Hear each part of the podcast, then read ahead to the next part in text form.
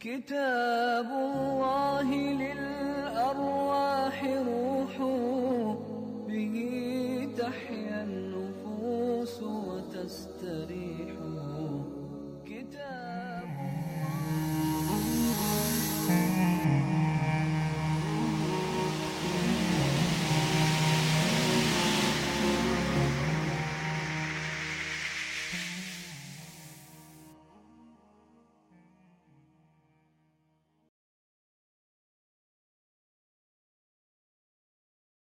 بسم الله الرحمن الرحيم. الحمد لله والصلاة والسلام على رسول الله وعلى آله وصحبه وسلم تسليما كثيرا.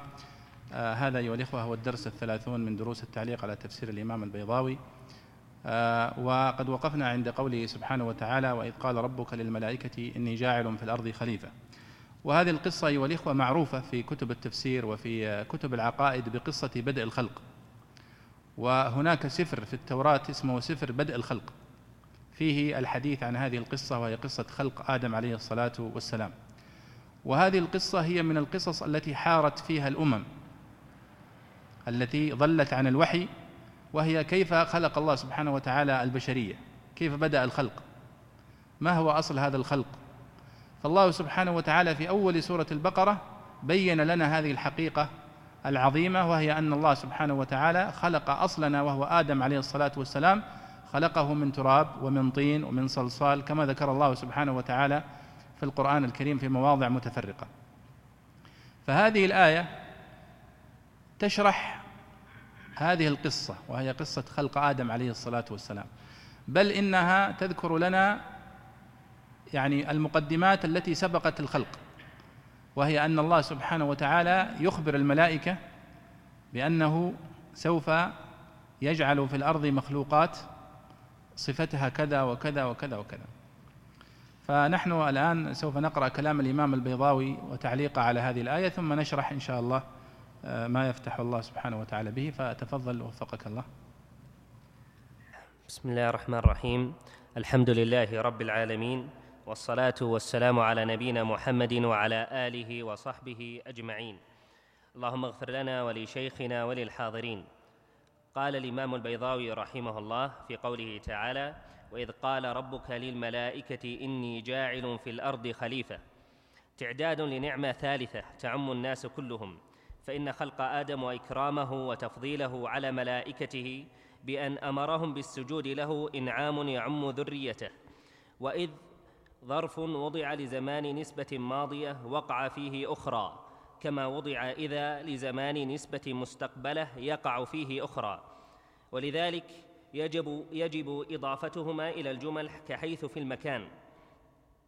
وبنيتا تشبيها لهما بالموصولات واستعملتا للتعليل والمجازاة.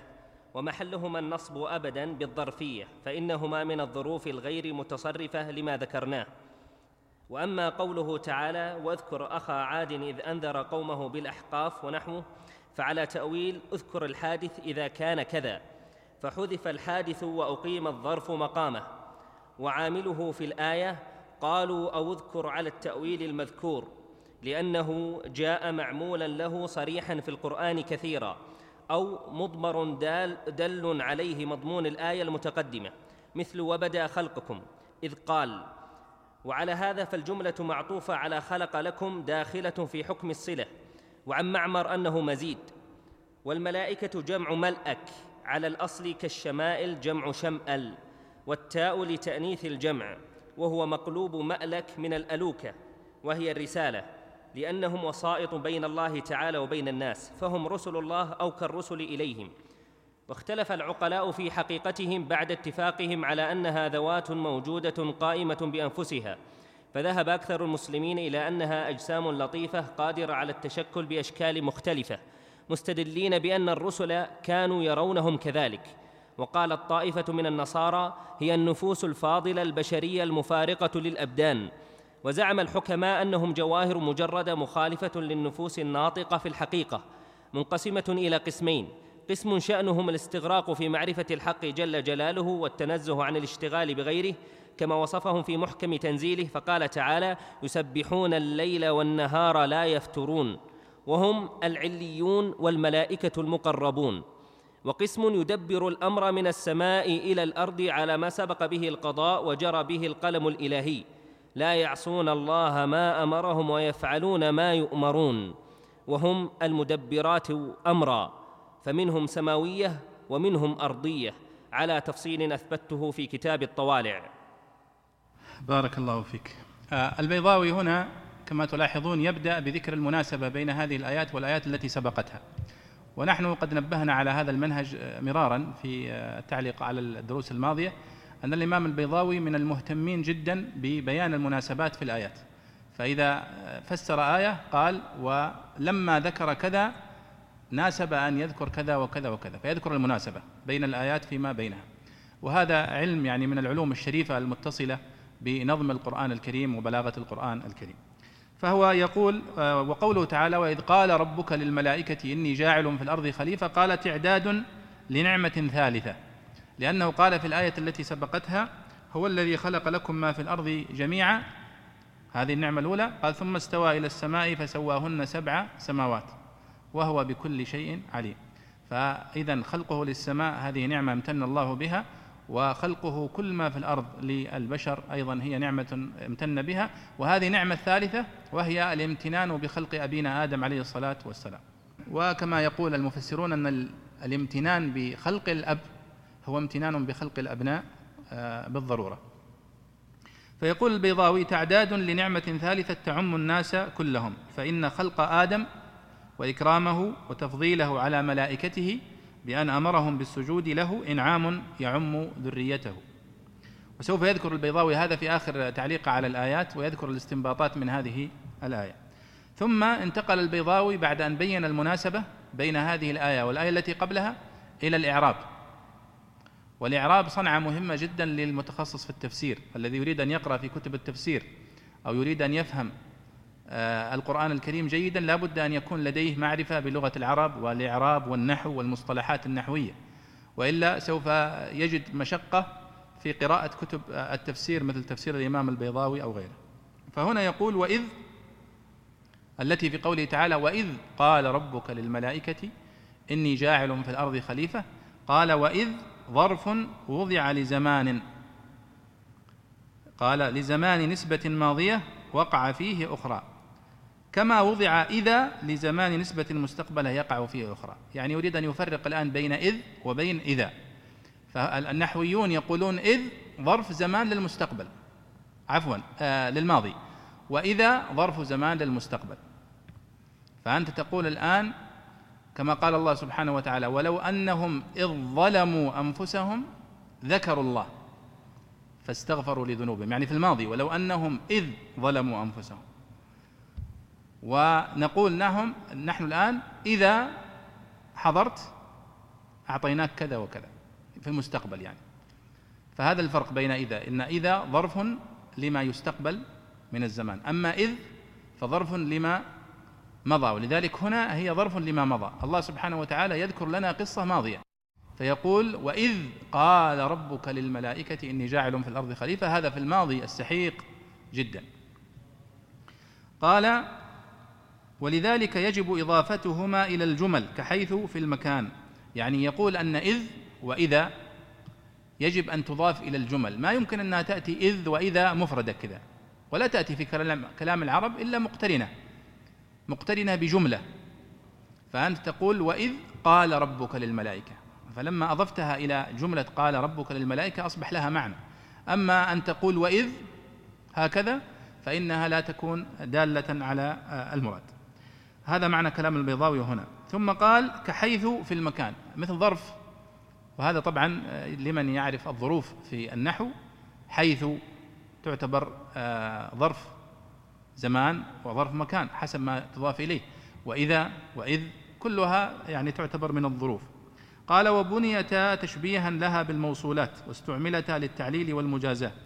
والمقصود بالبناء والإخوة هو أن يلزم الاسم أو الفعل حالة واحدة في جميع الحالات سواء في حالة الرفع أو في حالة النصب أو في حالة الجر. هو يلزم حالة واحدة.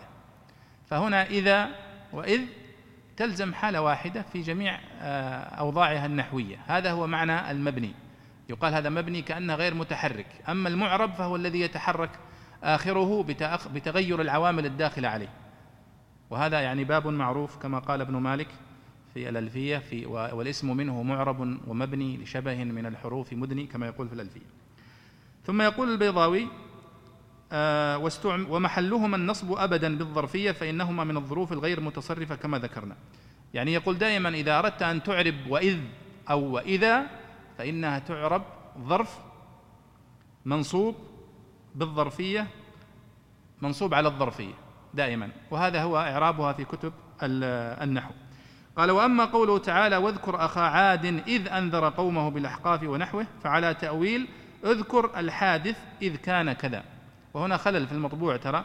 يعني في المطبوع مكتوب اذكر الحادث إذا كان كذا والصواب اذكر الحادث إذ كان كذا لأنه يتحدث هو عن إذ ولا يتحدث عن إذا. وقد راجعت هذا في مخطوطة عندي آه، مخطوطة أصلية للكتاب فوجدت إذ وليس ليس إذا.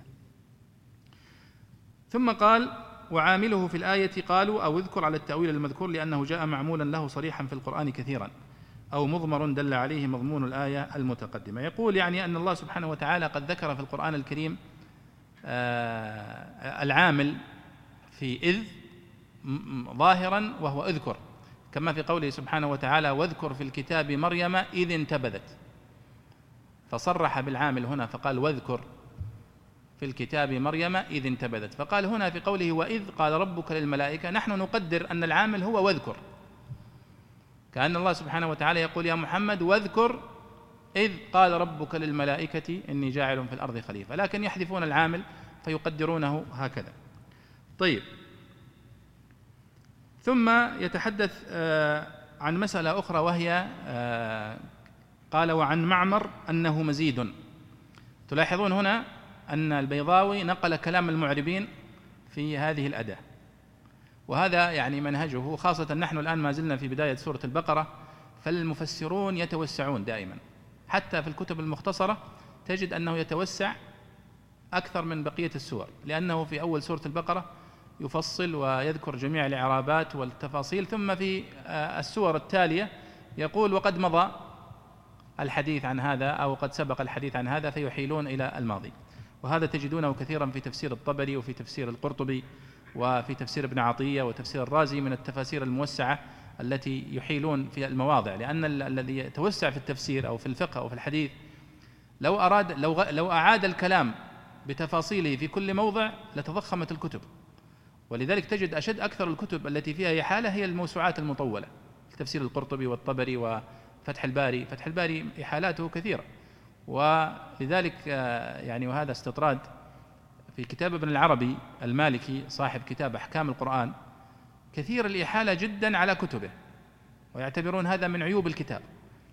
فعندما كلما جاء إلى مسألة قال وقد فصلت ذلك في كتابي ملجئة المتفقهين إلى أسرار أو إلى غوامض كلام النحويين.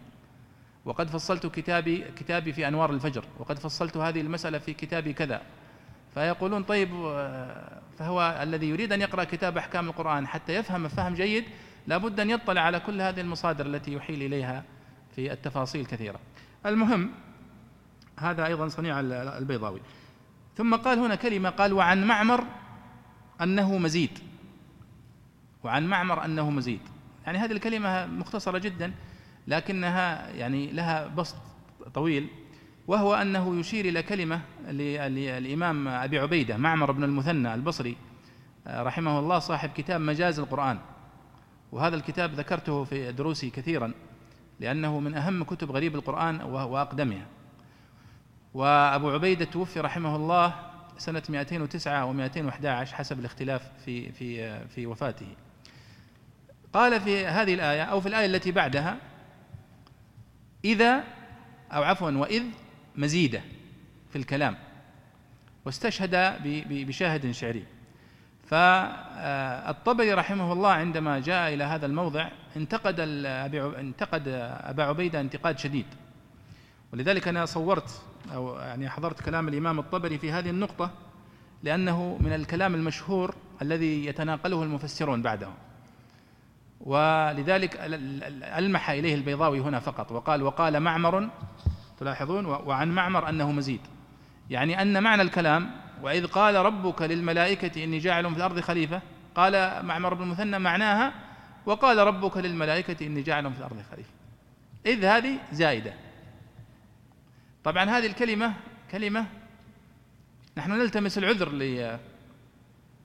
لأبي عبيدة لكن في الحقيقة هي كلمة مردودة. مردودة عليه. لسبب؟ نحن نلتمس العذر أيها الإخوة لمن يقول أن حرف من الحروف زائد في الإعراب في الإعراب فقط. فنقول الصنعة الإعرابية اقتضت منه أن يقول هذا. لكن على سبيل المثال عندما تقول مثلا وكفى بالله عليما وكفى بالله عليما. المعربون يقولون كفى فعل ماضي والباء حرف جر زائد. لفظ الجلالة مجرور لفظا مرفوع محلا في محل إعراب فاعل. ومعنى الكلام وكفى الله عليما وكفى الله عليما. طيب والباء وكفى بالله؟ قالوا حرف زائد. زائد من حيث من, من أي ناحية؟ قالوا زائد من حيث الصناعة الإعرابية. قلنا هذا مقبول. نحن نقبل مثل هذا الكلام عندما تقال الزيادة بهذه الطريقة. لكن كلام أبو عبيدة هنا أو كلام أبي عبيدة هنا ليس من هذا الباب. هو يقول أنها زائدة من حيث المعنى. وهذه لا شك أنها خطأ كبير جدا أن يقال أن حرف من حروف القرآن الكريم زائد وليس له معنى إضافي. هذا لا يكون ابدا. بل كل حرف في القرآن الكريم له معنى وله دلالة. وإنما القبول بالزيادة في عندما نتحدث عن صناعة إعرابية فقط. أما في المعنى فكل حرف له معنى مثل هنا مثلا وإذ قال ربك ولذلك الطبري غضب. قال كيف تقول أنها زائدة؟ وهي عمدة المعنى. لأنك عندما تقول وإذ قال ربك للملائكة عرفنا أن هذا كان في الزمن الماضي وفي ظرف محدد. لو حذفتها وأصبح وقال ربك للملائكة إني جاعل في الأرض خليفة فقدت المعنى الدقيق الذي تضيفه إذ. خلونا نقرأ كلام الطبري. كلام جميل وإن كان طويل قليلا لكن سوف تلاحظون مهارة الإمام الطبري في مناقشة هذه الأقوال وفي الاستدلال وفي شرحه للشواهد الشعرية ومعرفته لدقائق آه، الاستدلال. يقول الطبري رحمه الله زعم بعض المنسوبين إلى العلم بلغات العرب من أهل البصرة هو هذا طبيعته دائما. ما ما يقول قال أبو عبيدة. يعني مع أنه ينقل يكاد ينقل كتابا كاملا في تفسيره. لكن ما أذكر أنه ذكر أبا عبيدة باسمه إلا يمكن في ثلاث مواضع أو موضعين فقط مع أنه نقل عنه عشرات أو مئات المواضع. زعم بعض المنسوبين إلى العلم بلغات العرب من أهل البصرة أن تأويل قوله وإذ قال ربك وقال ربك. وأن إذ من الحروف الزوائد وأن معناها الحذف. واعتل لقوله الذي وصفنا عنه في ذلك ببيت الأسود ابن يعفر. وهذا شاعر من شعراء الجاهلية. فإذا وذلك لا مهات لذكره والدهر يعقب صالحا بفساد هذا الشاهد الشعري قول الأسود بن يعفر. قال فإذا وذلك لا مهات لذكره والدهر يعقب صالحا بفساد ثم قال ومعناها وذلك لا مهات لذكره. فإذا وذلك لا مهات لذكره قال معناها ولا مهات لذكره. وإذا هذا زائد. وببيت عبد مناف بن ربع الهذلي حتى إذا أسلكوهم في قتائدة شلا كما تطرد الجمالة الشردا. يعني معنى البيت أسلكوهم في قتائدة يعني قيدوهم في حبال. شلا كما تطرد الجمالة الشردة يعني طردوهم طردا شديدا كما يطرد الجمالة أصحاب الجمال الجمل الشارد. يطردون بعنف. وقال معناه حتى أسلكوهم. هنا يقول حتى إذا أسلكوهم معناها حتى أسلكوهم. وإذا قال زائدة. وهذا أسلوب أبو عبيدة رحمه الله. أسلوب يعني كان هو تقريبا من أول من صنع هذه الطريقة في تفسير القرآن الكريم. وهو أن يأتي فيفسر القرآن الكريم ويستشهد لذلك بالشواهد الشعر ويفسره فيقول هذه الآية مثل هذا البيت. دون أن يتعرض لتفسير السلف. ولذلك أنا سأخبر لك سوف أقرأ لكم يعني الخلل وأبين لكم الخلل المنهجي في هذه الطريقة. لأنه ليس كل ما يصح في اللغة يصح في القرآن. اللغة واسعة والشعر واسع لكن ليس كل ما يصح في شعر العرب يصح في القرآن الكريم. قال أبو جعفر أبو جعفر هذا الطبري قال والأمر في ذلك بخلاف ما قال. وذلك أن إذ حرف يأتي بمعنى الجزاء ويدل على مجهول من الوقت يعني ظرف ماضي وغير جائز شوفوا هذه القاعدة وغير جائز إبطال حرف كان دليلا على معنى في الكلام. يعني يقول أي حرف له معنى إضافي في الجملة لا يجوز أن تقول أنه زائد. هذه قاعدة مهمة جدا من قواعد التفسير المهمة. قال وغير جائز إبطال حرف كان دليلا على معنى في الكلام. إذ سواء قيل قائل هو بمعنى البطول وهو في كلام في الكلام دليل على معنى مفهوم وقيل آخر في جميع الكلام الذي نطق به دليلا على ما أريد به هو بمعنى البطول. يعني يقول أنه إما أن تقول أنه محذوف أو أنه آه، زائد كلاهما يعني يؤديان في النهاية نفس النتيجة. لكن الصواب أنه له معنى إضافي في هذه الجملة وهو ركن لا يجوز القول بحذفه. قال وليس لما ادعى الذي وصفنا قوله لاحظوا الآن هو بيرد على أبي عبيدة ويشرح كلام الشعراء أو الشعر الذي استشهد به وأنه بخلاف ما فهمه أبو عبيدة. قال وليس لما ادعى الذي وصفنا قوله في بيت الأسود بن يعفر أن إذا بمعنى البطول وجه مفهوم بل ذلك لو حذف من الكلام لبطل المعنى الذي أراد الأسود. من قوله فإذا وذلك لا مهات لذكره. وذلك أنه أراد بقوله فإذا فإذا الذي نحن فيه وما قد مضى من عيشنا وأشار بقوله وذلك إلى ما تقدم وصفه من عيشه الذي كان فيه. لا مهات لذكره يعني لا طعم له ولا فضل لإعقاب الدهر صالح ذلك بفساد وكذلك معنى قول عبد مناف بن ربع حتى إذا أسلكوهم في قتائدة شلا. لو أسقط منه إذا بطل معنى الكلام. لأن معناه حتى إذا أسلكوهم في قتائدة سلكوا شلا. فدل قوله أسلكوهم شلا على معنى المحذوف فاستغني عن ذكره بدلالة إذا عليه. فحذف كما قد ذكرنا فيما مضى. وطبعا ذكر يعني شاهدا للنمر بن تولب إلى آخره. قال نظير ما ذكرنا من المعنى وكذلك معنى قوله تعالى ذكره في هذه الآية. وإذ قال ربك للملائكة لو أبطلت إذ وحذفت من الكلام لاستحال عن معناه الذي هو به وفيه إذ. يعني يقول كلام أبي عبيدة كلام مردود عليه لأن لو حذفنا إذ على كلامه لا أبطل المعنى الذي تدل عليه الآية. هذا كلام الطبري. لكن الإمام الطبري كما تلاحظون في جزالة عبارته وقدرته على فهم الشواهد الشعرية التي يستشهد بها وهذه مسألة مهمة جدا. وهي من الأدوات المهمة جدا للمفسر الذي يريد أن يفسر أو يريد أن يفهم كلام هؤلاء المفسرين أن يمتلك آلة علمية في العلم بشعر العرب وبلغة العرب وما هي طريقتهم في التعبير وطريقتهم في الإبانة عن المعاني التي تختلج في صدورهم. هذا فن من فنون القول والتحليل للكلام. والمفسرون أيها الإخوة هم محللون للكلام ترى. يعني تحليل الخطاب الذي يتكلمون عنه الآن ومناهج تحليل الخطاب المفسرون هم أساتذة تحليل الخطاب هم والفقهاء والمحدثون لأن شغل هؤلاء جميعا هو تحليل الخطاب وهذا الخطاب هو القرآن الكريم. لكن القرآن الكريم كما تعلمون له خصوصية هو كلام الله سبحانه وتعالى وهو وحي موحى على النبي صلى الله عليه وسلم وله طريقة في الفهم وله طريقة في الاستدلال وفي المناهج في الفهم. تختلف ليست آه، كالمناهج الكلام البشري. ولذلك من الخطورة بمكان اليوم عندما يدعو آه، الحداثيون أو العلمانيون إلى تطبيق مناهج التحليل الخطاب ونظريات في الحقيقة. هي أكثرها نظريات على النص الوحي وهو كلام الله سبحانه وتعالى. ولأنهم قد فعلوا ذلك مع التوراة والإنجيل ويعني تبين لهم من خلال تطبيق تلك المناهج أنها محرفة وأنها باطلة إلى آخره وذلك آه، آه، يعني معظمهم من الملحدين الذين لا يؤمنون بهذه الكتب المحرفة. فيريدون أن يتعاملوا مع القرآن الكريم بنفس الطريقة. ونحن نقول القرآن الكريم هو فعلا هو نص وهو خطاب خطاب الله سبحانه وتعالى ولكن له طريقة في فهمه ينبغي أن تلتزم. كلام الإمام الطبري هذا هو في صلب المنهجية التي ينبغي أن نلتزم بها في فهمه. طيب.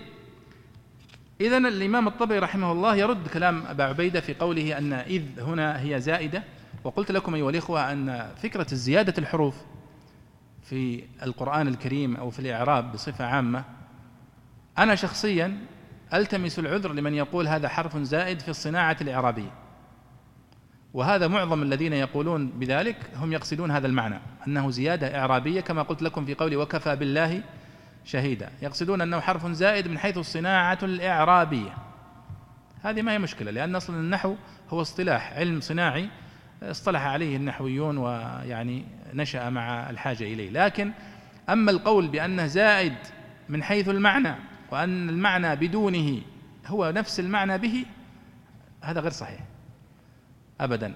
لا لا يدل عليه لا القرآن نفسه ولا بلاغة العربية بصفة عامة ولا شعر العرب ولا كل حرف يضعونه في موضعه وله دلالة كما في قوله سبحانه وتعالى على سبيل المثال فبما رحمة من الله لنت لهم.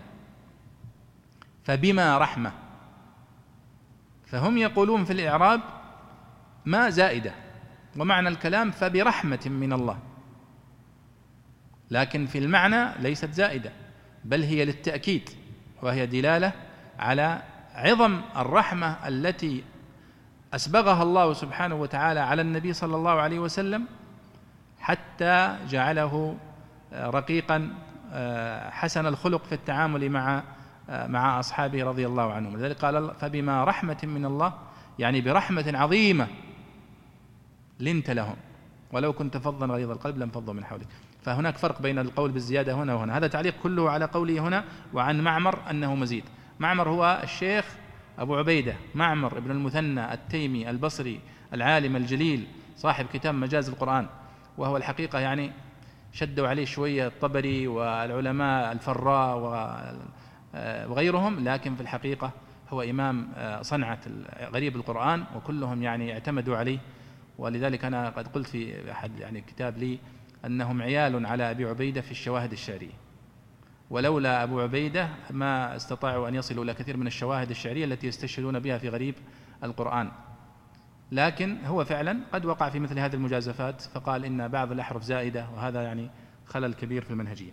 طيب ثم ينتقل البيضاوي هنا إلى وإذ قال ربك للملائكة انتقل لكلمة الملائكة ويحللها لغويا ويقول الملائكة جمع ملأك على الأصل كالشمائل جمع شمأل. والتاء للتأنيث الجمع يعني الملائك أصلا هي الملائك. مفردها ملأك وجمعها ملائك. ولذلك يعني بعض. كثير من الشعراء يستخدم هذه الجمع يستخدمه بدون تاء.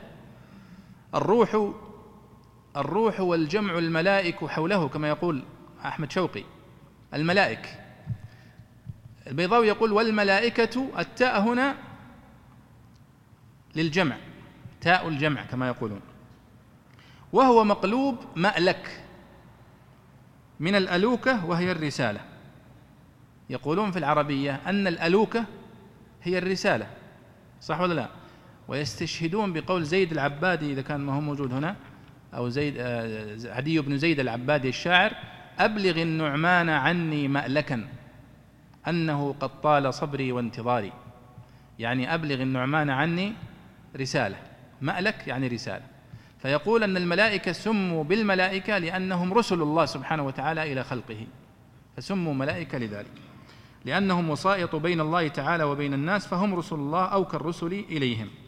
ثم قال واختلف العقلاء في حقيقتهم. هنا يتحدث عن الملائكة. ما هي طبيعة خلق الملائكة هؤلاء؟ فيقول واختلف العقلاء في حقيقتهم بعد اتفاقهم على أنها ذوات موجودة قائمة بذاتها أو قائمة بأنفسها. فذهب أكثر المسلمين إلى أنها أجسام لطيفة قادرة على التشكل بأشكال مختلفة. يعني هذه الملائكة وإيش طبيعة الملائكة؟ قال والله قالوا بعضهم أنها أجسام لطيفة قادرة على التشكل بأشكال مختلفة. يأتون أحيانا بهيئة آه، إنسان أحيانا بغيرها. قال مستدلين بأن الرسل كانوا يرونهم كذلك. وفعلا النبي صلى الله عليه وسلم كما ثبت في الأحاديث أنه كان يأتيه جبريل في صورة رجل.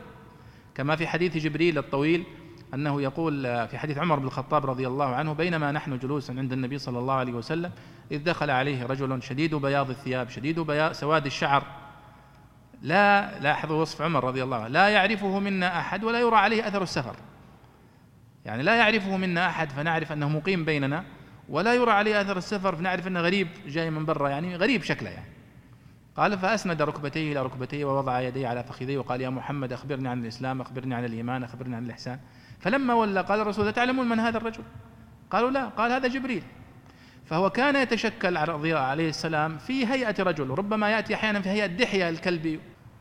قال مستدلين بأن الرسل كانوا يرونهم كذلك. وقالت طائفة من النصارى هذا الآن يتكلم عن النصارى كيف ينظرون إلى الملائكة. قال هي النفوس الفاضلة البشرية المفارقة للأبدان. وزعم الحكماء أنهم جواهر مجردة مخالفة للنفوس الناطقة في الحقيقة منقسمة إلى قسمين.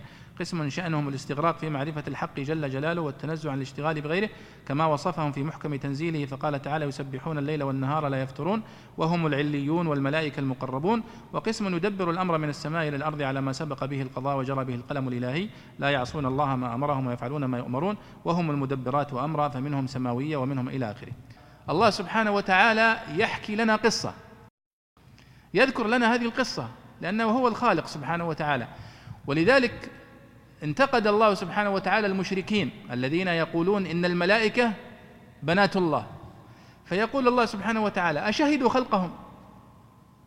أنتم كنتم موجودين يوم خلقتهم. ولذلك عندما سئل الأعشى أو الأعمش وهو كان يعني يحب الظرف فقالوا له يعني آه، من هو الذي عقد لإبليس عندما تزوج؟ لأن إبليس يعني ذرية إبليس وكذا. فقال هذا زواج ما شهدناه. فما ندري والله يعني كيف يعني تمت العمليات فنحن نقول خلق آدم عليه الصلاة والسلام هنا مسألة ما شهدها أحد. فالله سبحانه وتعالى من وراء هذا الغيب كله يحكي لنا هذه التفاصيل. ولذلك أنا تحدثت في المحاضرات السابقة أيها الإخوة عن هذه الثقة العظيمة الموجودة في القرآن الكريم. والذين يدرسون القرآن الكريم من هذه الزاوية يتيقنون تمام اليقين أنه كلام الله سبحانه وتعالى وليس كلام بشر. لأنه يتحدث عن قضايا لا يعرفها محمد عليه الصلاة والسلام ولا يعرفها غيره. ولذلك الله امتن على النبي صلى الله عليه وسلم قال وما كنت تتلو من قبله من كتاب ولا تخطه بيمينك. إذا لارتاب المبطلون. وقال الله سبحانه وتعالى في مواضع كثيرة. ذكر لنا قضايا وكنت ذكرت هذا في محاضرة ربما تكون موجودة على الإنترنت أو لا وهي بعنوان آه، وما هو بقول شاعر. وذكرت فيها الفكرة أن العرب تعودوا على جميع مستويات الخطابات التي يعرفونها. يعرفون كيف يخاطب السيد وكيف يخاطب الرئيس وشيخ القبيلة والملك وعامة الناس. لكن هذا القرآن الكريم جاءهم بخطاب فوق هذه المستويات جميعا. مثل هذا الخطاب وإذ قال ربك للملائكة إني جاعل في الأرض خليفة. قالوا أتجعل فيها من يفسد فيها ويسفك الدماء؟ ونحن نسبح بحمدك ونقدس لك. هذا خطاب يحصل بين الله سبحانه وتعالى والملائكة قبل خلق البشر. من الذي ينقل لك هذا الحوار بالتفاصيل هذه؟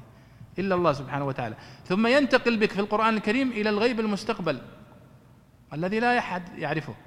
فيذكر لك مثلا على سبيل المثال حوار أهل النار في النار وحوار أهل الجنة في الجنة وحوار أصحاب الأعراف وهم ينظرون في الجنة وينظرون في النار.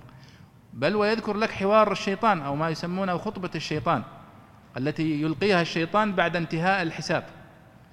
فقال الله سبحانه وتعالى في سورة إبراهيم وقال الشيطان لما قضي الأمر إن الله وعدكم وعد الحق. ووعدتكم فأخلفتكم. وما كان لي عليكم من سلطان إلا أن دعوتكم فاستجبتم لي. فلا تلومون. هذه خطبة عجيبة. منقولة لنا في سورة إبراهيم عن شيء سيحدث بعد انتهاء حساب الناس يوم القيامة. لاحظوا بين أقصى الغيب في الماضي وأقصى الغيب في المستقبل. من هو الذي يعرف كل هذا ويعرف هذه التفاصيل ثم ينقلها بكل هذه الثقة وبكل هذا الجزم إلا الله سبحانه وتعالى. لا شك أن الذي يدرك هذه الحقيقة يدرك أن هذا كلام الله سبحانه وتعالى. فضلا دعونا من بلاغة القرآن الكريم وبيانه. نحن نقول دائما أن وجه إعجاز القرآن الكريم هو ما فيه من فصاحة وبلاغة وبيان وهذا صحيح لا غبار عليه. لكنه يأتي أناس ويقولون نحن لا نفهم من بلاغة القرآن شيء. نحن لا نفهم العربية. نقول لهم صحيح ولكن انظروا إلى هذه المعاني. هل تجدونها في كتاب؟ لا تجدونها في كتاب. ولذلك بعض الذين يدخلون في الإسلام اليوم يدخل ويقرأ القرآن الكريم. فأول ما يعني يبدأ يقرأ في سورة الفاتحة عن معاني الربوبية الحمد لله رب العالمين الرحمن الرحيم مالك يوم الدين. ثم يدخل في هذه القصة مثلا قصة خلق آدم عليه الصلاة والسلام. قال هذه هذه من المشكلات العظيمة التي لا نعرف لها حل في النصرانية ولا في اليهودية ولا. الله سبحانه وتعالى يبين في أول السورة ولذلك كثير من المفسرين يقولون أن سورة البقرة موضوعها الأساسي هو خلافة الإنسان في الأرض. ولذلك جاءت بالكليات الشرعية كما قال الإمام الشاطبي في الموافقات قال سورة البقرة هي كلية الشريعة. فيها كل الأصول العظيمة في القرآن الكريم موجودة في سورة البقرة. وهذا هو معنى الخلاف أنها أنت يعني الله سبحانه وتعالى خلقك ويريد في بداية القرآن الكريم أن يبين لك أولا أصل الخلق ثم يبين لك التكاليف التي ينبغي عليك أن تلتزمها في في في, في الإسلام. ولذلك يعني الذين يتحدثون دائما عن مقاصد السور وعلاقة اسم السورة بالسورة يقولون أن القصة التي سميت بها سورة البقرة هي قصة بسيطة ورمزية في السورة لكن لها دلالة عميقة في الدلالة على مقصد السورة. وإلا في سورة البقرة آية الكرسي مثلا. لماذا لم تسمى سورة البقرة سورة الكرسي؟ وهي أعظم آية في القرآن الكريم. وتترك هذه الآية العظيمة وهذا الاسم وتنتقل إلى اسم البقرة حتى أن البعض ربما يسخر ويقول بقرة. يعني تسمى بعض السور بأسماء الحيوانات البقرة والنحل والنمل ويسخرون. ولذلك تذكرون تحدثنا في المجالس الماضية عن قوله تعالى آه إن الله لا يستحي أن يضرب مثلا ما بعوضة فما فوقها. ما دام المثل يؤدي غرضه حتى لو كان المضروب آه المثل به بعوضة ولا عنكبوت ولا غيره. فيقولون أن قصة البقرة هي قصة رمزية أو قصة حقيقية وقعت في بني إسرائيل لكنها ترمز إلى التلكؤ عن الاستجابة لأوامر الله. عندما يأمرك الله سبحانه وتعالى بأمر على لسان أنبيائه فإن الواجب على المسلم أن يقول سمعنا وأطعنا.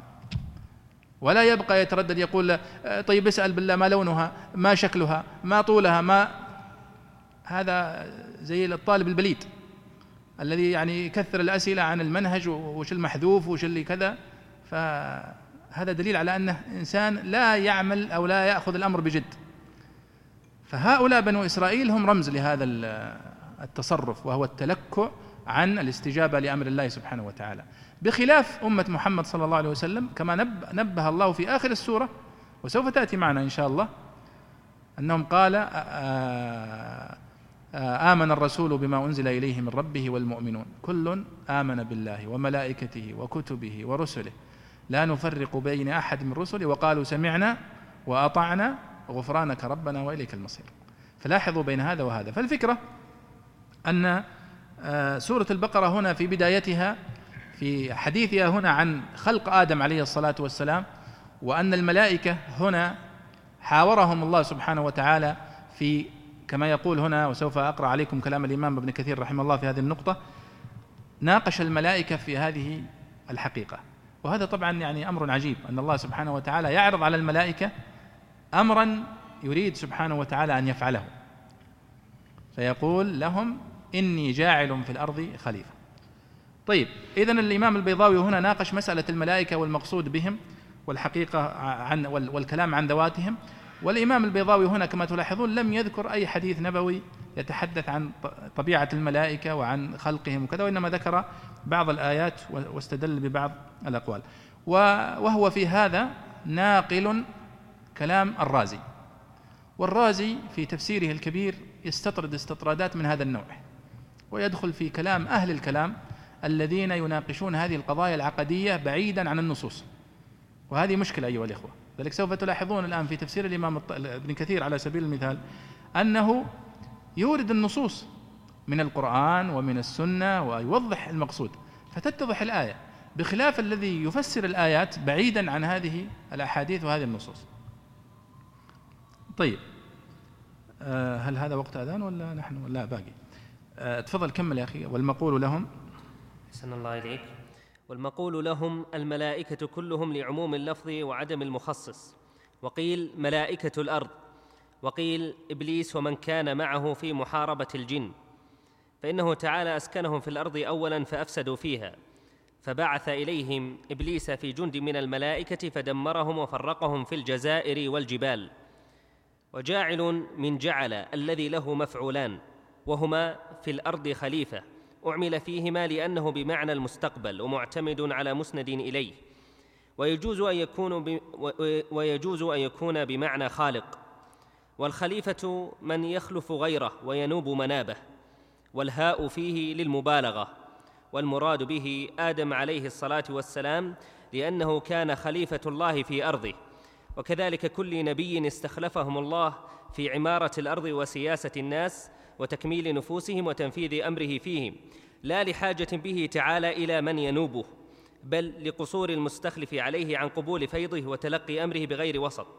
ولذلك لم يستنبئ ملكا كما قال الله تعالى ولو جعلناه ملكا لجعلناه رجلا ألا ترى أن الأنبياء لما فاقت قوتهم واشتعلت قريحتهم بحيث يكاد زيتها يضيء ولو لم تمسسه نار.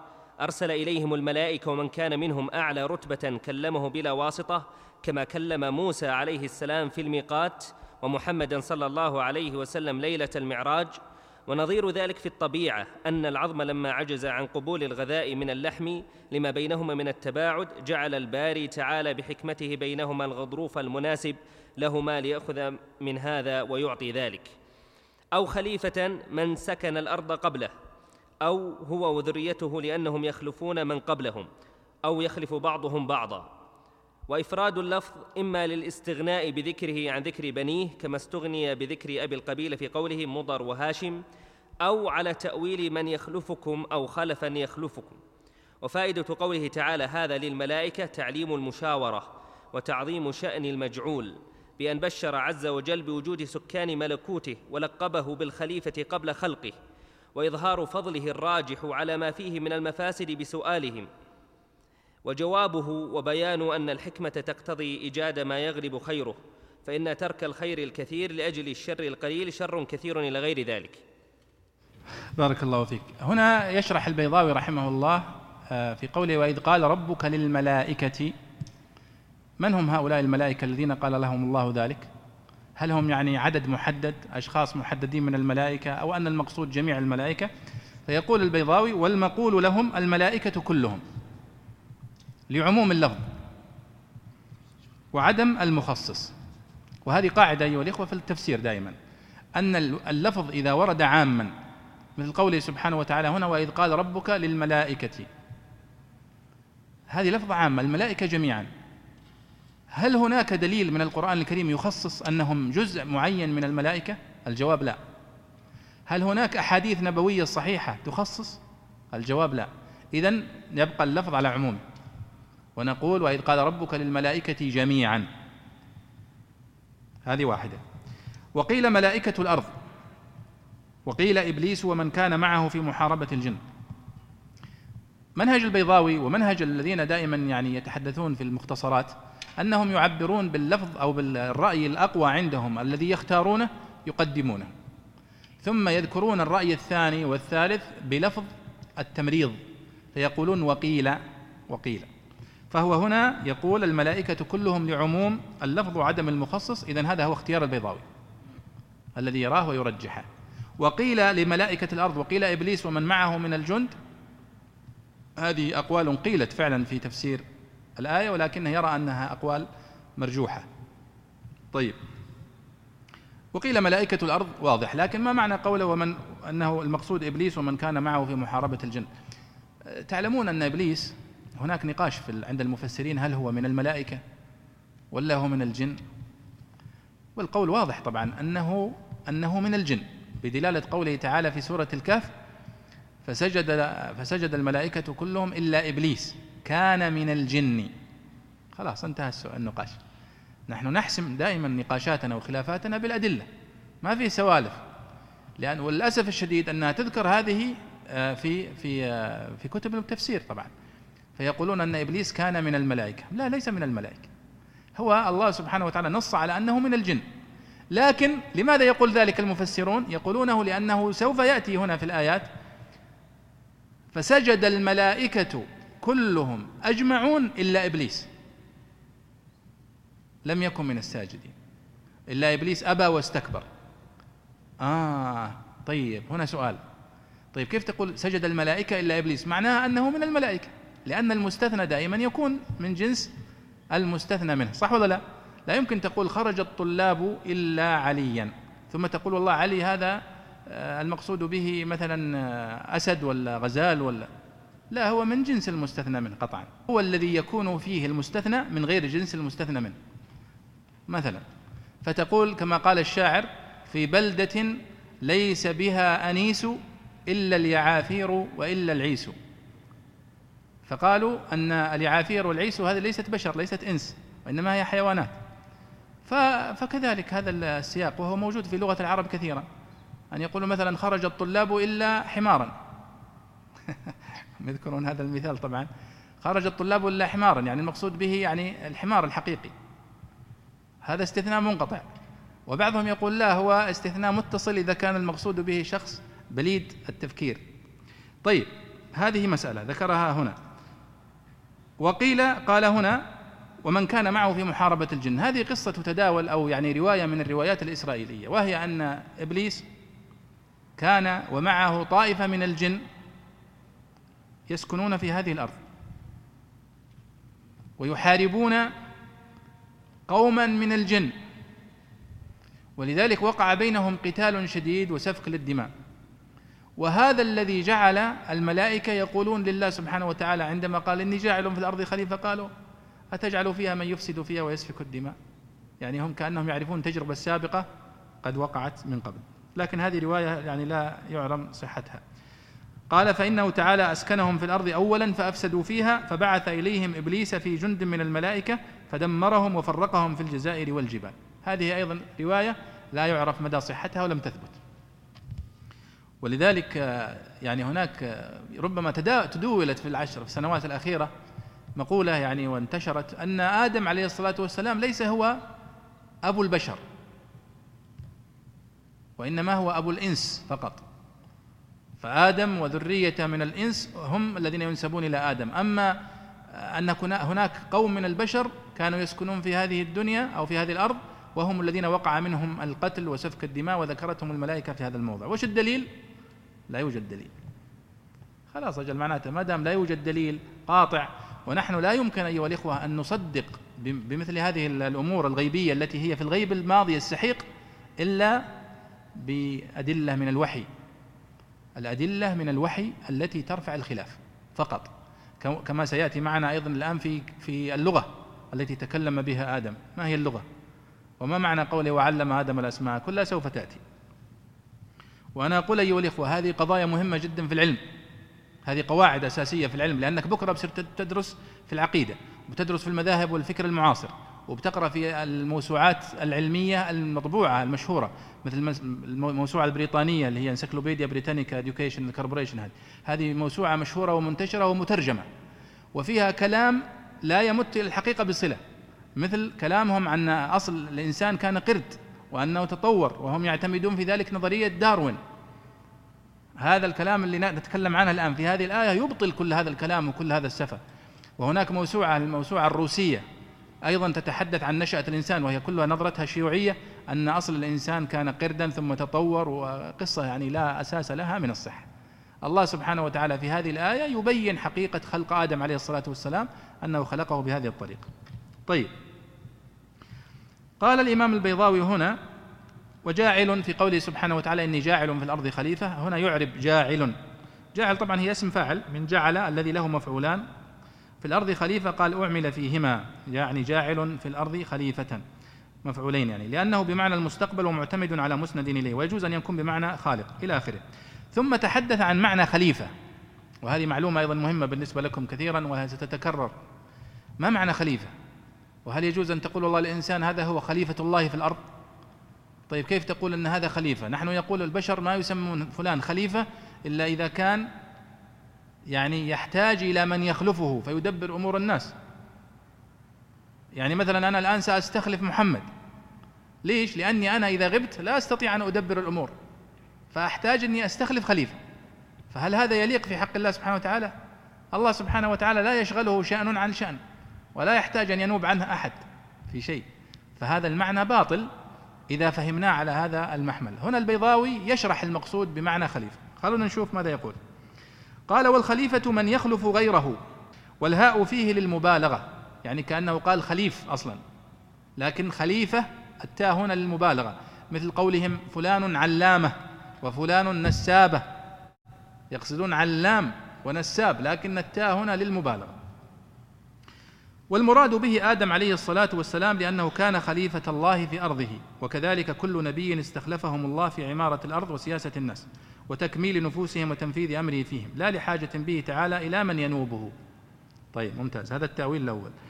بل لقصور المستخلف عليه عن قبول إلى آخره ثم تحدث قال آه و أو هو وذريته يعني آدم وذريته لأنهم يخلفون من قبلهم أو يخلف بعضهم بعضا.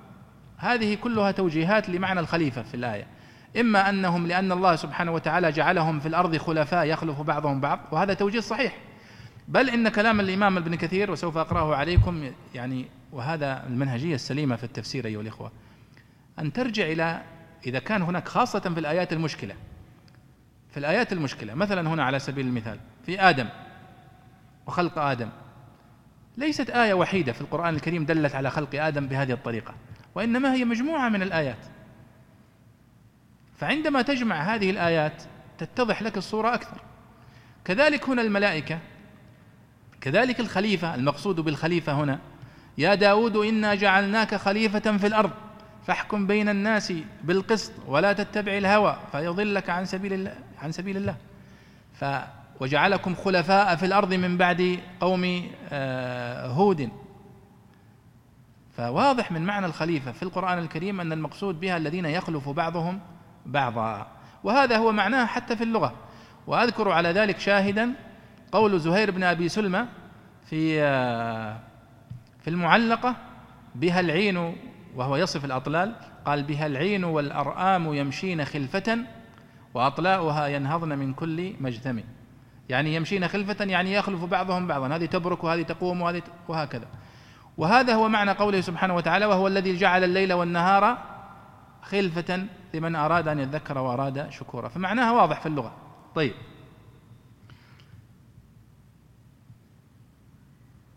ثم تحدث عن طبعا هنا ذكر هنا مسألة يعني أحيانا يتفلسف الإمام البيضاوي رحمه الله وهو كما قلت لكم متأثر بالإمام الرازي. على سبيل المثال هنا فيقول أن الله سبحانه وتعالى لم يستنبئ أو لم يستخلف ملكا من الملائكة. وهذا صحيح أن الله لم يجعل في الأرض خليفة أو نبي من الملائكة. بل إنه قال الله سبحانه وتعالى ولو جعلناه ملكا لجعلناه رجلا. لا يمكن أن نجعل لكم رسول من الملائكة لأن خلقته تختلف عن خلقتكم وطبيعته تختلف عن طبيعتكم. وبالتالي عندما أرسل إليكم ملكا من الملائكة سأرسله في هيئة رجل. فرجعنا إلى نفس الفكرة. ولذلك جبريل عليه الصلاة والسلام رآه النبي صلى الله عليه وسلم في هيئته الملائكية مرتين فقط وخاف عليه الصلاة والسلام عندما رآه فيهما من ضخامته عليه السلام وقال أن يعني يعني يسد بجناحيه ما بين المشرق والمغرب وقال أن له ستمائة جناح فهو خلقة عظيمة لا يعلمها ولا يعلم حجمها إلا الله سبحانه وتعالى. وبالتالي ف فيقول البيضاوي ألا ترى أن الأنبياء لما فاقت قوتهم واشتعلت قريحتهم بحيث يكاد زيتها يضيء ولو لم تمسسه نار. أرسل إليهم الملائكة. يعني يقصد أن الملائكة أن الأنبياء عليهم الصلاة والسلام هم أكمل البشر خلقة. وأقدرهم على تحمل أعباء الوحي كما كان من حال موسى والنبي صلى الله عليه وسلم. ولذلك أرسل إليهم الملائكة. قال وكان منهم يعني من الأنبياء أعلى رتبة كلمه الله بلا واسطة كما كلم موسى عليه السلام في الميقات ومحمد صلى الله عليه وسلم ليلة المعراج. طبعا هذا استنباط من الإمام البيضاوي وقد لا يسلم له لأنه يقتضي بهذا أن إبراهيم عليه الصلاة والسلام أقل منهم لأنه لم يحصل له ذلك وغيره. هذا يعني استنباط مجرد توجيه من الإمام البيضاوي. ونظير ذلك في الطبيعة شوفوا يعني هذا يعني التنظير من الإمام البيضاوي أن العظم لما عجز عن قبول الغذاء من اللحم لما بينهما من التباعد جعل الباري تعالى بحكمته بينهما الغضروف المناسب لهما ليأخذ من هذا ويعطي ذلك. طبعا هذه مسألة طبية. ولا يمكن أبدا أن نسلم للإمام البيضاوي بحقيقة. هل فعلا أيها الإخوة أن اللحم لأنه لا يمكن أن ينتقل الغذاء من اللحم إلى العظم إلا بواسطة الغضروف اللي بينها؟ أنا أعتقد أن هذه مسألة سيضحك منها الأطباء. الآن لو ناقشناها بهذه الطريقة. كما تقرأ أحيانا في كتاب ابن سينا في القانون في الطب آه، يعني هو تاريخ. لا شك أنه كان في وقته فتح عظيم ويعني ابتكار. لكن عندما تقارنه اليوم بحقيقة الطب اليوم وما ما هو عليه الطب اليوم سوف يعني يضحك عليك الناس. كما يفعلون أحيانا في كتاب كتب الطب التي تتعاطى الطب أحيانا مثل زاد المعاد لابن القيم. فيتحدث عن ما هي ما معنى مثلا الحمى طريقه وش الحمى؟ وش طبيعة الحمى؟ هل يمكن الآن أنك تشخص الحمى بناء على قصيدة بالطيب المتنبي في وصف الحمى مثلا؟ وزائرتي كأن بها حياء ليس تزور إلا في الظلام. هي قصيدة جميلة ويعني لطيفة لكنها لا تصلح لتشخيص مرض الحمى وأسباب ارتفاع درجة الحرارة للإنسان مختلفة. فالفكرة أن هذا الكلام الذي يذكر أحيانا في كتاب البيضاوي أو في كتاب الرازي القضايا الطبية أو في القضايا الفلكية. كلام يعني لا يمكن أبدا أن يؤخذ به اليوم خاصة مع يعني المكتشفات الحديثة والمعامل والتجريب مما يعني يجعلنا نمر عليها مرور يعني مرور سريع.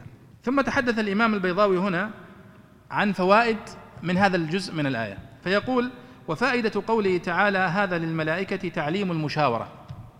يعني هنا وقد ذكر هذا بعض السلف لعلنا نقرأ إن شاء الله الآن آه، أن الله سبحانه وتعالى شاور الملائكة ولذلك بعضهم استكبر يعني استنكر مثل هذه الكلمة أن الله يقول شاور وإنما نقول عرض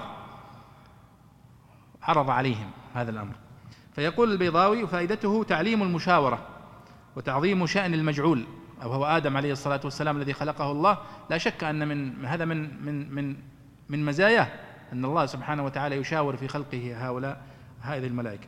قال بأن بشر عز وجل بوجود سكان ملكوته ولقبه بالخليفة قبل خلقه وإظهار فضله الراجع على ما فيه من المفاسد بسؤالهم. يعني أن الله سبحانه وتعالى قد ذكر وذكر الملائكة أن في خلق آدم مفاسد. نعم ولكن هناك مصالح. فالله سبحانه وتعالى ذلك قال قال إني أعلم ما لا تعلمون. تلاحظون أيها الإخوة في كلام الإمام البيضاوي رحمه الله في التفسير هنا أولا الاختصار الشديد ولذلك كثير من الناس يسألون لماذا اخترنا تفسير البيضاوي في هذا الدرس. تفسير البيضاوي رحمه الله كما تقدم تكلمنا في محاضرتين في مقدمات هذا الدرس آه، وشرحنا منهج البيضاوي وقيمة العلمية وكثرة الحواشي التي كتبت عليه. فهو أكثر التفاسير من حيث عدد الحواشي والتقارير التي كتبت عليه. وهذا لأنه كتاب دراسي. لأن بعض الناس يقول لماذا لا تدرس تفسير القرطبي أو الطبري مثلا؟ هذا الكتاب لا يحتاج إلى شرح. الكتب المطولة هي لا تحتاج إلى شرح تحتاج إلى قراءة.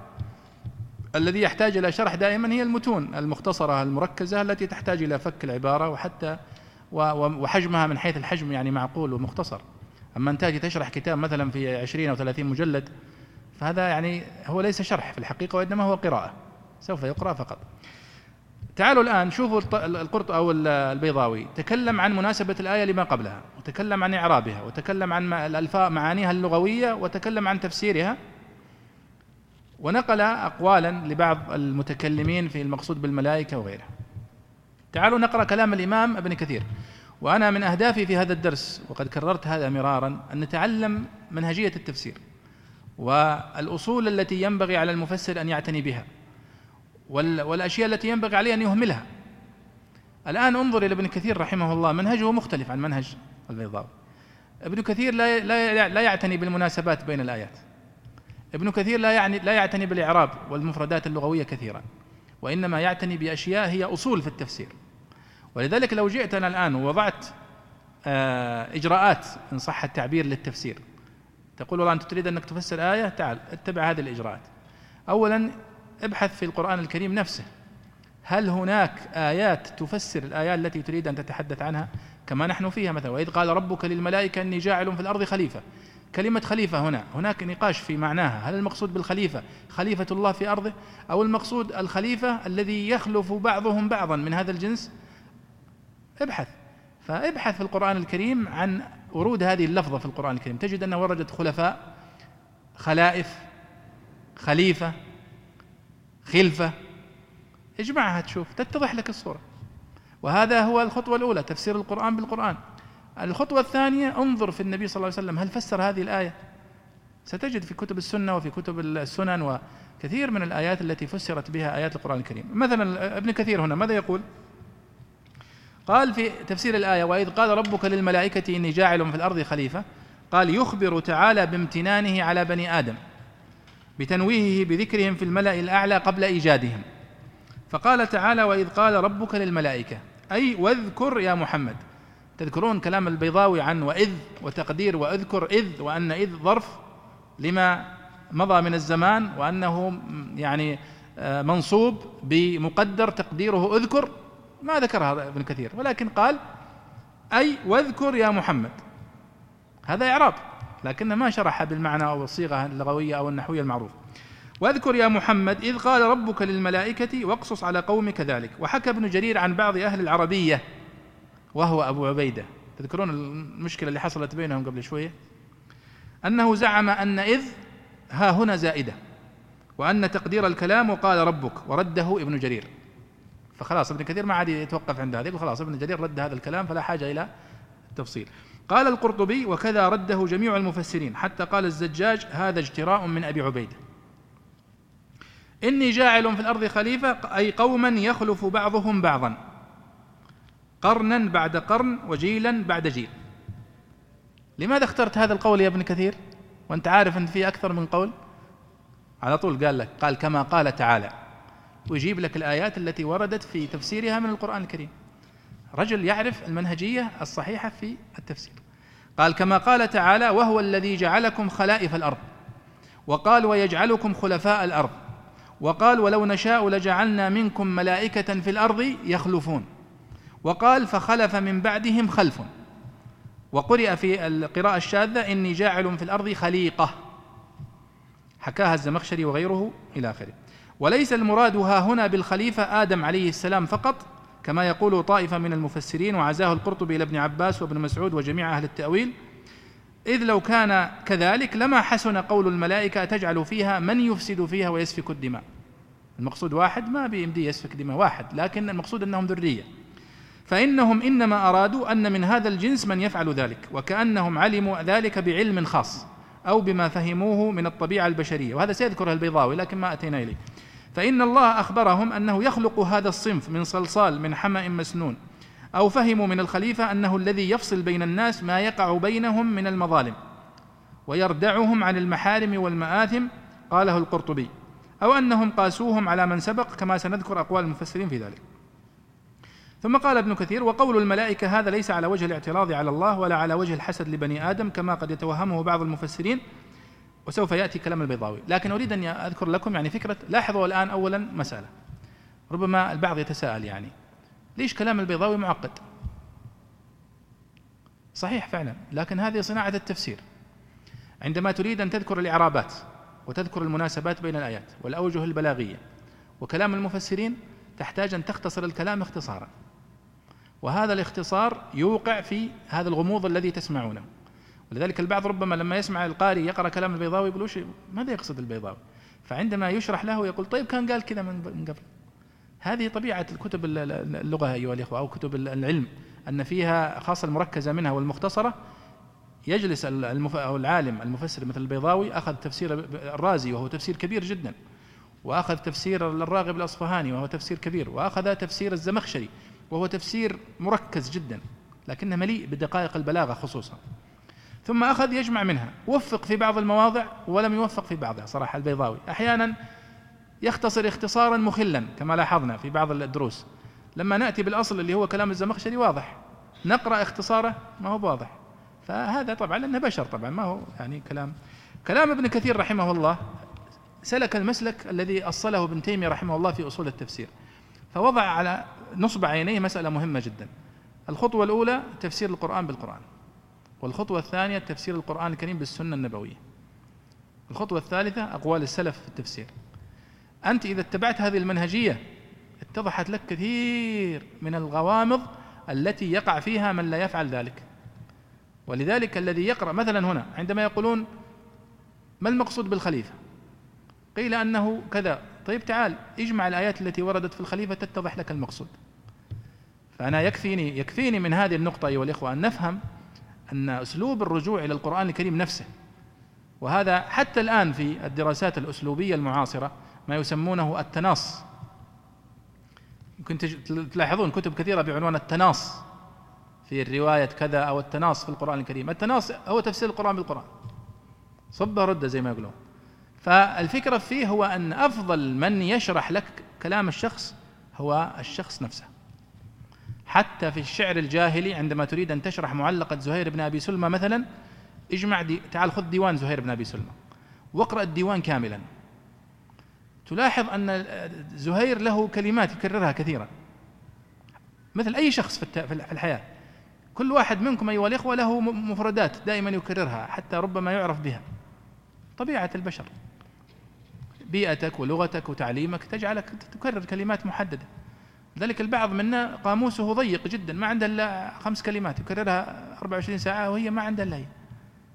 لكن كلما اتسعت معرفة الإنسان واتسعت ثقافته اتسع معجمه واتسعت لغته.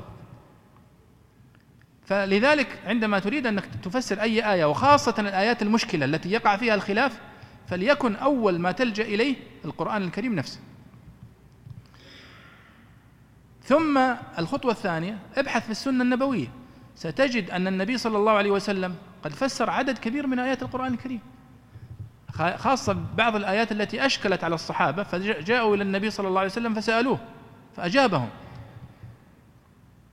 فإذا أشكل عليك هذا ولم تجد لا في القرآن ولا في السنة انتقل إلى أعلم الناس بالقرآن الكريم بعد النبي صلى الله عليه وسلم وهم الصحابة الذين هم شافوا الآيات وهي تنزل. ورأوا أسباب النزول وعرفوا كيف يفسر النبي القرآن.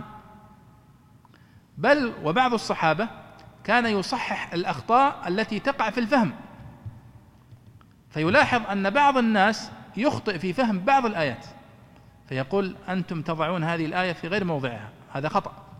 كما قال أبو بكر الصديق رضي الله عنه عندما أصلح فهما في قوله تعالى يا أيها الذين آمنوا عليكم أنفسكم لا يضركم من ضل إذا اهتديتم. فقال إن بعضكم يضع هذه الآية في غير موضعها. وليس معنى الآية أن الإنسان لا يأمر بالمعروف ولا ينهى عن المنكر ويترك الناس كل واحد على كيفه. لا ليس هذا معنى الآية. قال لأنكم إذا اهتديتم أمرتم بالمعروف ونهيتم عن المنكر. والله يقول لا يضركم من ضل إذا اهتديتم. أنت لا يمكن أن تكون مهتديا إلا إذا كنت تأمر بالمعروف وتنهى عن المنكر.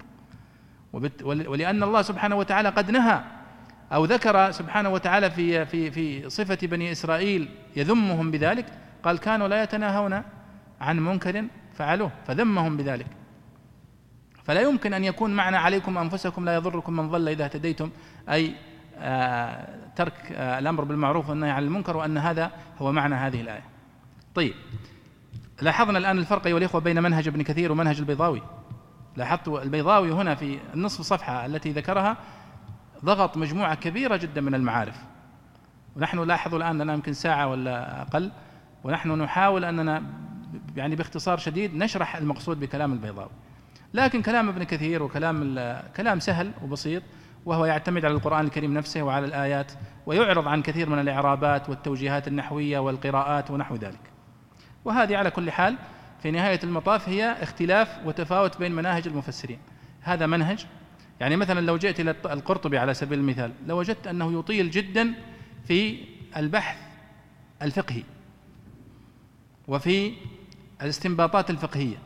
فمثلا على سبيل المثال حتى ربما يكون ما له علاقة في الآية ولكنه يدقق في الاستنباطات الفقهية. مثلا عندما يتحدث في سورة القصص في قوله تعالى فالتقطه آل فرعون ليكون لهم عدوا وحزنا. في قصة موسى تحدث عن أحكام اللقطة في الفقه مع أنها ليست متصلة بالفكرة لكنه تحدث عن تفاصيل اللقطة ومتى تعرف اللقطة وحجم الذي تعرفه وكم تعرفها سنة والفرق بين لقطة الحرم وغيرها. كلام طويل جدا مستطرد. وقس على ذلك. فلو جئنا وشرحنا هذا الكلام تقول هذا فقه يا أخي. ما هو بتفسير هذا فقه. فنقول نعم هي منهجيات. هذا يركز على القضايا الفقهية في كتب أحكام القرآن وهذا يركز على البلاغة مثلا في الزمخشري. هذا البيضاوي لحد بعيد يركز على القضايا البلاغية والإعرابية كما تلاحظون. طيب آه تفضل يا أخي. نختم في قول قال وتجعل فيها من يفسد فيها. أحسن الله إليك. قال تعالى قالوا أتجعل فيها من يفسد فيها ويسفك الدماء. تعجب من أن يستخلف لإعمارة الأرض وإصلاحها من يفسد فيها. أو يستخلف مكان أهل الطاعة أهل المعصية واستكشاف عما خفي عليه من الحكمة التي بهرت تلك المفاسد وألغتها واستخبار عما يرشدهم ويزيح شبهتهم كسؤال المتعلم كسؤال المتعلم معلمه عما يختلج في صدره وليس باعتراض على الله تعالى جلت قدرته ولا طعن في بني آدم على وجه الغيبة فإنهم أعلى من أن يظن بهم ذلك لقوله تعالى بل عباد مكرمون لا يسبقونه بالقول وهم بأمره يعملون. وإنما عرفوا ذلك بإخبار من الله تعالى أو تلق من اللوح أو استنباط عما ركز في عقولهم أن العصمة من خواصهم أو قياس لأحد الثقلين على الآخر. والسفك والسبك والسفح والشن أنواع من الصب. فالسفك يقال في الدم والدمع والسبك في الجواهر المذابة والسفح في الصب من أعلى. والشن في الصب من فم القربة ونحوها وكذلك السن وكذلك السن. وقرئ يسفك على البناء للمفعول فيكون الراجع إلى من؟ سواء جعل موصولا أو موصوفا محذوفا أي يسفك الدماء فيهم. طيب آه، نكتفي بهذا لعلنا نختم به. قال وتجعل فيها من يفسد فيها ويسفك الدماء. هنا سؤال دائما في كتب التفسير. هل هذا الكلام من الملائكة؟ اعتراض؟ أم هو استفهام؟ هو استفهام. ولذلك تعجب استفهام تعجب يعني. من أن يستخلف لعمارة الأرض وإصلاحها من يفسد فيها أو يستخلف مكان أهل الطاعة أهل المعصية واستكشاف عما خفي عليهم من الحكمة التي بهرت تلك المفاسد وألغتها واستخبار عما يرشدهم ويزيح شبهتهم كسؤال المتعلم معلمه عما يختلج في صدره. وليس باعتراض على الله تعالى جلت قدرته ولا طعن في بني آدم على وجه الغيبة لهم لأن الله سبحانه وتعالى قد أثنى على الملائكة بأنهم عباد مكرمون لا يسبقونه بالقول وهم بأمره يعملون فيستبعد أن يكون سؤالهم هذا على وجه الاعتراض طيب ممتاز. طيب كيف عرفوا أنهم سيسفكون الدماء؟ ما خلق آدم إلى الآن. كيف قالوا أتجعل فيها من يفسد فيها ويسفك الدماء؟ هذا سؤال فعلا مطروح وهو سؤال قائم في كتب التفسير كلها. لكن الجواب عنه غير موجود. لا يوجد أدلة صريحة تدل على أنهم كان هناك تجربة سابقة يعرفون من خلالها أن هناك سفك دماء في الأرض وإنما هي كلها روايات لا تثبت. ولذلك البيضاوي ذكر احتمالات وهي التي يذكرها المفسرون. قال وإنما عرفوا ذلك وذكر أربعة احتمالات أو, أو خمسة. إما بإخبار من الله تعالى الله أخبرهم أن سيحصل كذا وكذا. طيب. أو تلق من اللوح وهذا أيضا قول غريب. كيف يتلقى الملائكة من اللوح؟ هل لهم ذلك؟ أو قالوا الملائكة الذين يكتبون في اللوح يعرفون هذا. فهم ربما هم الذين اعترضوا لأنهم يعرفون ما قد كتبه الله. أو استنباط عما ركز في عقولهم من العصمة وأنها من خواصهم. أن الله سبحانه وتعالى لم يعصم من مثل هذا للملائكة وهم يعني لا يعصون الله ما أمرهم فلا يقعون في المعصية. فكأنهم عرفوا أنهم هم الجنس الوحيد الذي لا يقع في المعصية وبالتالي غيرهم سوف يقع منه ذلك. الاحتمال الرابع قال أو قياس لأحد الثقلين على الآخر. وقلت لكم أن هناك روايات تقول أن الجن كانوا في, في الأرض. ووقع منهم سفك للدماء. فقالوا إذا كان هذا وقع من الجن وهؤلاء هم صنف فالبشر سوف يكونون مثل الجن. طيب انتهينا من هذه النقطة. النقطة الثالثة يشرح البيضاوي فيها معنى قوله سبحانه وتعالى ويسفك الدماء أو قول الملائكة ويسفك. ما معنى سفك؟ يسفك. فتكلم كلام جميل وهو كلام أهل اللغة. قال والسفك والسبك والسفح والشن أنواع من الصب كلها صب. لكن السفك يقال في الدم والدمع سفك دمه ولا يقال سفك الماء وإنما يقال سفك الدم مثلا. والسبك في الجواهر المذابة مثل الذهب الفضة يسبكها بمعنى يصبها والسفح في الصب من أعلى والشن في الصب من فم القربة وكذلك السن. وإن كان السن أيضا يقال للتراب يقال سنوا عليه التراب سنا في القبر فيقال يعني أهيلوا عليه التراب يعني سنوه عليه. وقرئ يسفك على البناء للمفعول فيكون الراجع إلى من سواء إلى آخره. فتلاحظون البيضاوي هنا ماذا صنع؟ أولا ذكر هذا السؤال وهو أتجعل فيها من يفسد فيها ويسفك الدماء؟ كيف عرفوا أنه سوف يحدث هذا؟ ذكر الروايات والاحتمالات. وقلت لكم لا يوجد هناك أي آه، رواية تثبت علة سؤال الملائكة في هذا وإنما بقيت مسألة مجهولة. ولا يرفع لا يرفع الخلاف في مثل هذه القضايا أيها الإخوة إلا الوحي. فقط لأنه هو المطلع على هذه الحقائق الغيبية. يوحي به الله سبحانه وتعالى للنبي صلى الله عليه وسلم إما في القرآن وإما في السنة ويخبرنا به النبي صلى الله عليه وسلم.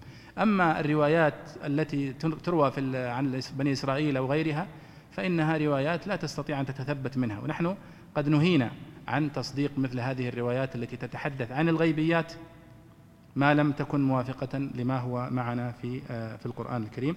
نتوقف عند هذه النقطة ونكمل إن شاء الله في المحاضرة القادمة آه، بإذن الله تعالى وصلى الله وسلم على سيدنا ونبينا محمد وعلى آله وصحبه أجمعين. كتاب الله للأرواح روح به تحيا النفوس وتستريح. كتاب